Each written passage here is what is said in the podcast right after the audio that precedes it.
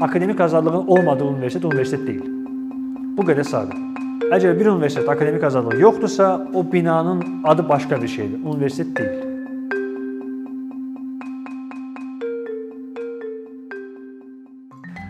Salam, gəldiyiniz üçün təşəkkür edirəm. Bugünkü mövzumuz akademik azadlıqdır.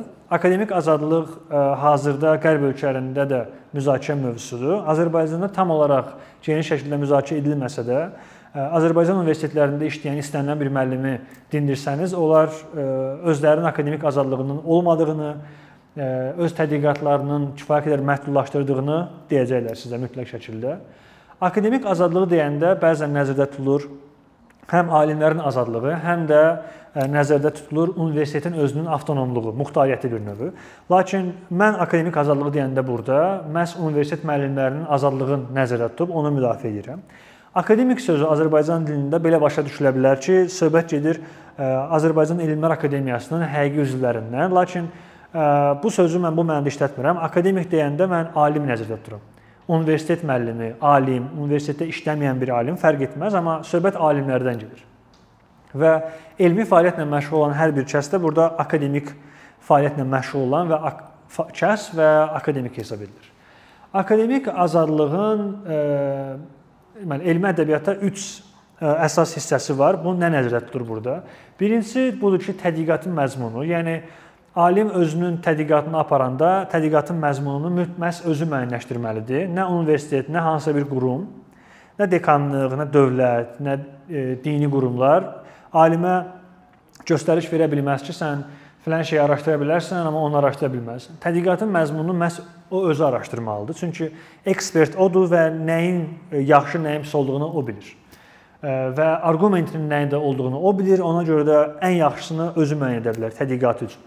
İkincisi dərsin məzmunudur. Yəni deməli akademiklər dərs ilin əvvəlində silabus yazanda, yəni dərslik dərslik demək silabus yazanda həmin o silabusa hansı ədəbiyyatı daxil edirlər, hansını daxil etmirlər, dərsi necə keçirirlər, dərsdə hansı məsələlərə nə qədər vaxt ayırırlar.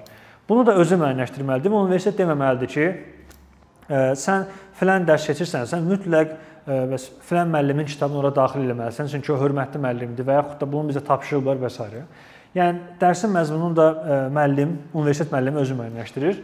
Son olaraq isə senzuradan azadlıq. Burada senzuradan azadlıq deyiləndə həm universitetin senzurası, həm dövlətin senzurası, həm də hər hansısa bir dini və yaxud da digər bir qurumun senzurasına söhbət gedir. Bu baxımdan deməli alim bilməlidir ki, o öz tədqiqatını yazıb bitirəndən sonra, onu dərc edəndən sonra narahat olmamalıdır ki, mənim tədqiqatımın siyasi, mədəni, sosial, dini nəticələrinə görə mən təqib edilə bilərəm. Dövlət tərəfindən, dini qurumlar tərəfindən və yaxud da universitetin rəhbərliyi tərəfindən. Çünki əgər akademikin belə bir qayğısı varsa ki, mən bu tədqiqatımın nəticəsini yaya bilmərəm, yoxsa məni işdən çıxardacaqlar, mənə töhmət verəcəklər. Belə bir halda o adam tədqiqatının nəticəsini yaya bilməyəcək, sözsüz ki, daha sonra yaymayacaq əksər hallarda və tədqiqat ümumiyyətlə aparmağa maraqlı olmayacaq ki, bəs mən bilmirəm nəticəm nə olacaq və nəticəm əgər xoşa gəlməz olsa, onda mən bunu yaya bilmərəm. Onda nə əhəmiyyəti var ümumiyyətlə tədqiqat aparmağın? Bu baxımdan da üçüncü şərt də senzuradan azad olmaqdır. Və bunların hər üçü özü özlüyündə kifayət qədər geniş anlayışlar olduğuna görə mütləq spesifik misallara baxmaq lazımdır. Bəs məsələn biz dedik tədqiqatın məzmununu müəyyənləşdirmək bu nə deməkdir? Tədqiqatın məzmununu müəyyənləşdirməyin özünün də belə 3 dənə şərti var. Birincisi xaric etmək hüququdur. Akademikin xaric etmək hüququ var. Məs ifadə azadlığı ilə də akademik azadlığın fərqi budur. Çox vaxt elə hesab edirlər ki, akademik azadlıq deyilən bir anlayış yoxdur. Bu boş bir şeydir. Bu sadəcə olaraq demokratik vətəndaşın ifadə azadlığıdır. Halbuki elə deyil. Bunu indi izah edəcəm və İkincisi deyirlər ki, bu sadəcə olaraq işçi azadlığıdır. Hər bir iş yerində işçi bilməlidir ki, o qayda-qanunu pozmadığı təqdirdə onu heç kim cəzalandırmayacaq və onun başına nəsə bir iş gəlsə, o müəyyən bir prosedurdan keçəcək. Müdir kefinə düşəndə onu işdən çıxarda bilməz və ya da cəzalandıra bilməz. Bu baxımdan deyirlər ki, akademiklər də universitetdə işçilərdir və ona görə də onların da müdiri dekandır və yaxud da rektordur və akademik azadlıq əslində işçi azadlığıdır, elə bir şey yoxdur. Halbuki bu səhvdir. Nəyə görə? Nə işçinin, nə vətəndaşın xaric etmək hüququ yoxdur. Xaric etmək nə deməkdir? Hər hansısa bir fikri müzakirədən kənarlaşdırmaq. akademik öz sahəsində professionaldır deyən, onun ekspert olmasından gələn bir hüququ var. Hər hansısa bir sahədə deyir ki, bu məsələni mən ümumiyyətlə müzakirəyə layiq bilmirəm. Müzakirəyə e, ehtiyac görmürəm. Və mən onu öz tədqiqatımdan və yaxud da dərsimin məzmunundan kənarlaşdırıram. Məsələn, təsəvvür edin ki, bir tarixçi, 20-ci əsr tarixçisidir. 2-ci Dünya müharibəsi tarixini keçir və e, bundan tələb edirlər ki, sən balanslı olmalısan. Halbuki akademikin balanslı olmaq kimi bir qayəsi yoxdur, elə bir öhdəliyi yoxdur. Burada nə deməkdir? Kənarlaşdırmaq hüququ. 2-ci Dünya müharibəsinin tarixindən bəhs edən bir professor deyə bilər ki, mən Holokostu inkar edən adamların iddialarına ümumiyyətlə yer verməyəcəm dərsdə və bu barədə danışmayacağam. Və yaxud da bir biologiya professoru deyə bilər ki, mən kreasionizmi ümumiyyətlə yer verməyəcəm, çünki bu ümumiyyətlə müzakirəyə layiq deyil və mən bunu müzakirə etməyəcəm. Və yaxud da mən semestrimdə 15 dənə dərsim var. Bu 15 dərsin 14-ün başqa şeylərə ayırıram. Məsələn, təkamül nəzəriyyəsinə ayırıram. Cəmi bir dərs ayırıram mən ta ki kreasionizm və s. Heç kim artıq burada iddia edə bilməz ki, sən qərəzlisən, balanslı deyilsən. Çünki akademik ekspert olduğu üçün adi vətəndaş deyil. Yəni adi vətəndaşın daha doğrusu ifadə azadlığından daha çox azadlığa malikdir akademik və bu səbəbdəndir ki, ifadə azadlığına və yaxud da işçinin hüquqlarına akademik azadlıqlar fərqlənir. Akademikin hansısa bir fikri müzakirədən çıxartmaq hüququ var. Öz dərsi, öz dərsində sözsüz ki, və yaxud da öz tədqiqatında. Bəs akademik qərəzsiz olmalıdırmı? Akademik həmin o silabusu məsələn yazana və yaxud da tədqiqatı aparıb o nəticəni gələnə qədər müəyyən bir prosesdən keçir. Müəyyən özü tədqiqatdan əvvəl araşdırma aparır, ondan əvvəl mövzu barədə düşünür, oxuyur, yazır və s. Əsas olan, yəni həmin o akademikin öz düzgünlüyünü qoruması üçün əhəmiyyətli olan həmin o prosesdə akademik qərəzli olmaması. Hər bir müxtəlif arqumentə bərabər şans tanıması və onları mümkün qədər balanslı şəkildə analiz etməsidir. Amma bunu artıq akademik öz belə deyək, süzgəcindən balanslı formada keçirdib təqdim edəndə yazanda, dərs deyəndə və s. onun balansda olmaq kimi bir öhdəliyi yoxdur. Çünki o artıq ekspert kimi müəyyən edib ki, nə vacibdir, nə vacib deyil. Bu birinci, xaric etmək hüququ bu deməkdir. Məhz bu hüquqa görə də ifadə azadlığından da fərqlənir akademik azadlıq, işçi hüququndan da fərqlənir akademik azadlıq. İkincisi müdafiə etməkdir. Hansısa bir məsələni müdafiə etmək. Akademik öz tədqiqatında müxtəlif istənilən akademik e, akademik bir debatın içinə daxil olur.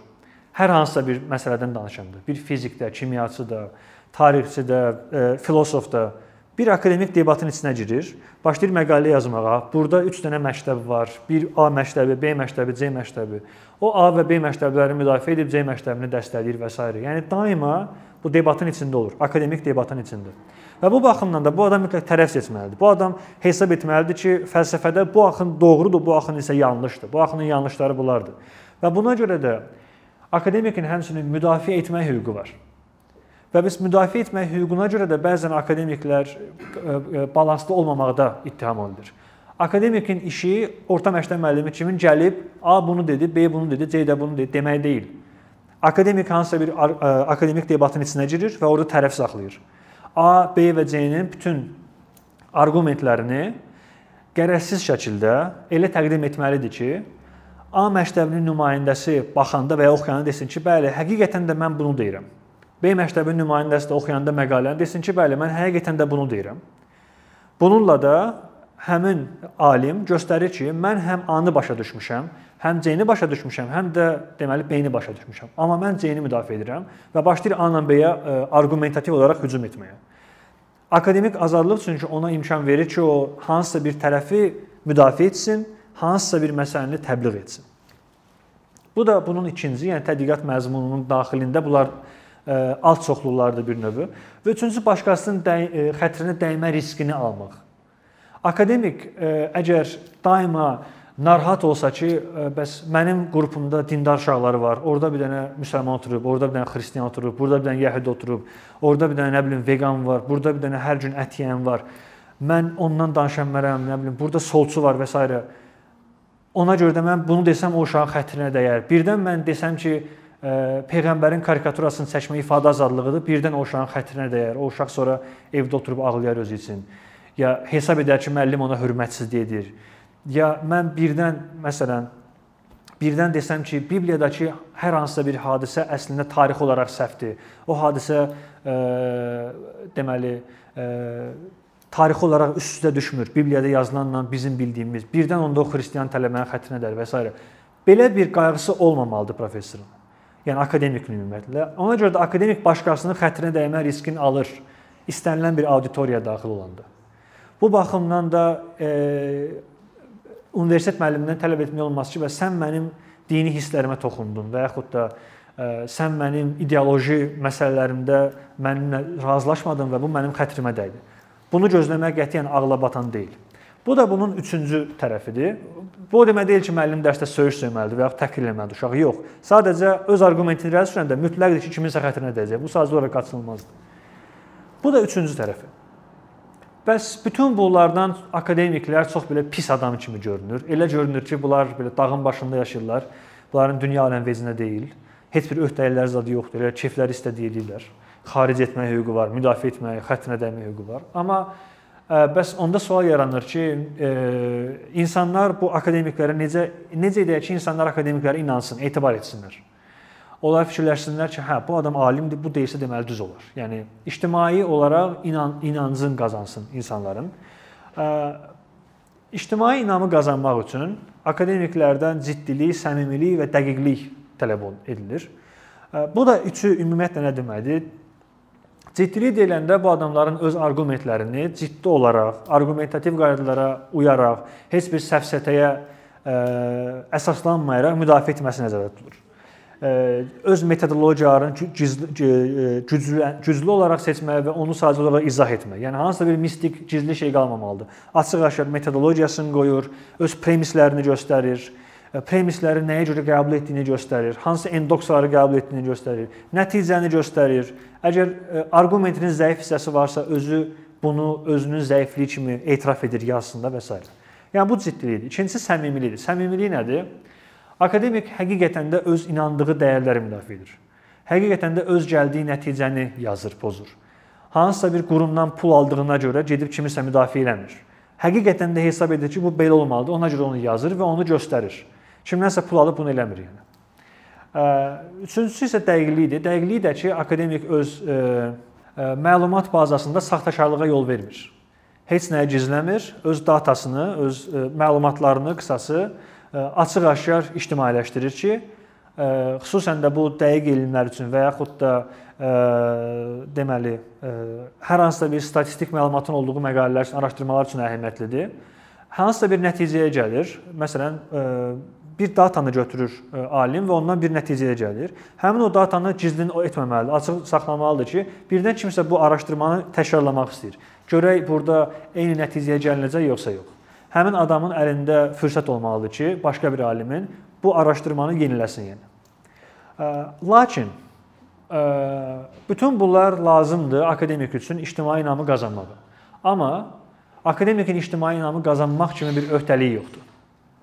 Akademik ictimai inamı qazanmaya da bilər. Buna məcbur deyil. Buna görə də hər hansısa bir buna görə də hər hansısa bir deməli qurum akademikin hüquqlarını məhdudlaşdıra bilməz ki, məsələn sən ciddi yazmamısan, sən səmimi deyilsən, əslində sən buna inanmırsan və s. Yəni akademikin hüquqları qətiyyən bu 3 e, dəyər əsasında məhdudlaşdırıla bilməz. E, məqalədə mən e, akademik azadlığı 6 arqumentlə əsaslandırmışam. Lakin mən onlardan 5-ini burada deməyəcəm. Sadəcə birini deyəcəm. Məncə ən əsası odur. Digər 5-ni istəsəz məqalədən oxuyarsınız və bura keçməmişdən əvvəl ümumiyyətlə nəyə görə ifadə azadlığı əhəmiyyətlidir? Bunu qısaca demək istəyirəm. İfadə azadlığının əhəmiyyətli olmasına dair 4 əsas klassik arqument var. Birinci arqument budur ki, ifadə azadlığı insan kimi bizə vacibdir, çünki biz özümüz olaq. Bizi heyvanlardan fərqləndirən şey bizim danışmağımız, fikir istehsal etməyimiz, öz e, istədiklərimizi deməyimizdir və bununla da biz öz kimliyimizi formalaşdırırıq. Əgər ifadə azadlığı olmasa, biz danışa bilməsək, öz istədiyimizi deyə bilməsək, onda biz azad olaraq ümumiyyətlə yaşaya bilmərik və özümüzü ifadə edə bilmərik. Bu birinci məsələdir. İkinci məsələ həqiqəti tapmaq. Burada həqiqət deyəndə hansısa bir ilahi həqiqətdən söhbət getmir. Burada həqiqət deyəndə mən həqiqət sözünü doğru sözü ilə sinonim olaraq istifadə edirəm. Həqiqət tapmaq nəyə görə vacibdir? Kimsə bir iddia ortaya atır və ifadə azadlığı bizə lazımdır ki, hər tərəfdən bir səs gəlsin, biz müzakirə edək və müzakirə əsnasında həqiqəti tapaq və yaxud da həqiqətə yaxınlaşaq. Bu empirik bir iddiadır, həmişə düzgün olmaya bilər, amma klassik arqumentlərdən biridir. Üçüncüsü yaxşı hökumət. Bu nə üçündür? İstənilən bir e, demokratik və ya da yaxşı e, olan, yaxşı idarə edilən bir ölkənin vətəndaşı olaraq biz hökumətin dediklərini müzakirə edə bilməliyik. Tənqid edə bilməliyik, dəstəkləyə bilməliyik. Ümumiyyətlə müzakirə açıq olmalıdır ki, hökumət vətəndaşa cavab versin. Cavab verməyə və ya da məcbur qalsın. Yəni hökumətin yaxşı olması üçün vətəndaş danışmalıdır daimi olaraq. Bu da üçüncü klassik arqument. Dördüncüsü isə müxtəliflikdir. Müxtəliflik deyəndə elə bir icmada yaşamaq ki, orada müxtəlif fikirli insanlar var və müxtəlif fikirlər səsləndirilir. İndi bunlar əsasında biz deyək ki, bəs nəyə görə universitetlər ümumiyyətlə, yəni mənim əsas iddiam akademik azadlığın olmadığı universitet universitet deyil. Bu qədər sadə. Əgər bir universitet akademik azadlıq yoxdursa, o binanın adı başqa bir şeydir. Universitet deyil. Bu nəyə görə vacibdir? Universitetin birincisi baxmalı biz məqsədi nədir? Universitetin məqsədi elə bir mühit yaratmaqdır ki, orada alimlər gəlsinlər və həqiqəti tapsınlar. Və yaxud da yeni bir fikir gətirsinlər. Qısası fikir istehsal etsinlər. Bir daha deyirəm, həqiqət doğru deməkdir. İlahi bir şey deyil. Ona görə də alim həqiqət tapmaq bizim dildə biraz qeyri-adi səslənir, amma qeyri-adi səslənməməlidir. Universitet nə üçündür? Bilik istehsal etmək üçündür. Alim tədqiqatçıdır. Bu orta məktəb müəllimi deyil. Yəni alimin işi özündən əvvəl deyilənləri gəlib uşaqlara Wikipedia məlumatı kimi belə ötürmək deyil. Alim özü də iddiaya sürür. Orta məktəb müəllimindən fərqli olaraq. Alim akademik debatın içinə girir və alim tədqiqat aparır. Alim bilik istehsal edir qısası. Buna görə də universitet bu biliyin istehsalı üçün, müzakirə mühitinin yaranması üçün və alimlərin öz fikirlərini açıq-aşkar dilə gətirmək, tədqiqatlarını aparıb nəticələrini bəyan etməsi üçün uyğun bir, müvafiq bir e, ətraf mühit yaratmalıdır. Belə bir şəraitdə universitet məsələn gedir alimə pul verir ki, sən bu sahə üzrə e, mütəxəssissən, gəl bu sahə üzrə tədqiqat apar, öz tədqiqatının nəticəsini açıqla və dərs keç. Lakin həmin universitet əgər akademik azadlığı məhdudlaşdırırsa, həmin alimə öz işini görmək üçün şərait yaratmır. Bu baxımdan da universitet öz funksiyasını pozmuş olur. Artıq bu universitet deyil, başqa bir şeydir. Yəni burada ardıcıllıq yoxdur. Sənin məqsədin budur ki, bu adam gəlsin tədqiqat aparsın, amma digər tərəfdən də imkan vermirsən ki, bu tədqiqat aparsın. Bunu e, deməli, yaxşı bir ingilis ata söz, atalar sözü ilə ifadə etmək olar. Əgər it saxlayırsansa özün hürmə. Bu metaforda it akademiklərdir. Hürən isə rəhbərlikdir. Buna görə də iti saxlayırsansa, qoy o hürsün, sən hürmə, imkan ver o işini görsün. Bu baxımdan da akademik azadlığı, alimlərin akademik azadlığı məhdudlaşdıran istənilən universitet universitet deyil. Adın başqa bir şey qoymalıdır. O elə bil ki, restoran açıb amma sement satır. Məsələn, yemək satmır. Yəni adı elədir sadəcə, amma yemək satmır. Ağla batan deyil və öz ardıcıl deyil. Yəni məntiqi olaraq ardıcıllıq yoxdur burada. Bu deməkdir ki, bu adam bu binaya universitet deyib, əslində başqa bir məqsəd güdür hansısa bir fikri legitimləşdirmə məqsədi güdür, ya özünü xoşu gəlir ki, desin ki, mənim universitetim var və s. İstənilən halda bu adamın məqsədi bilik istehsal etmək deyil. Bu qədər.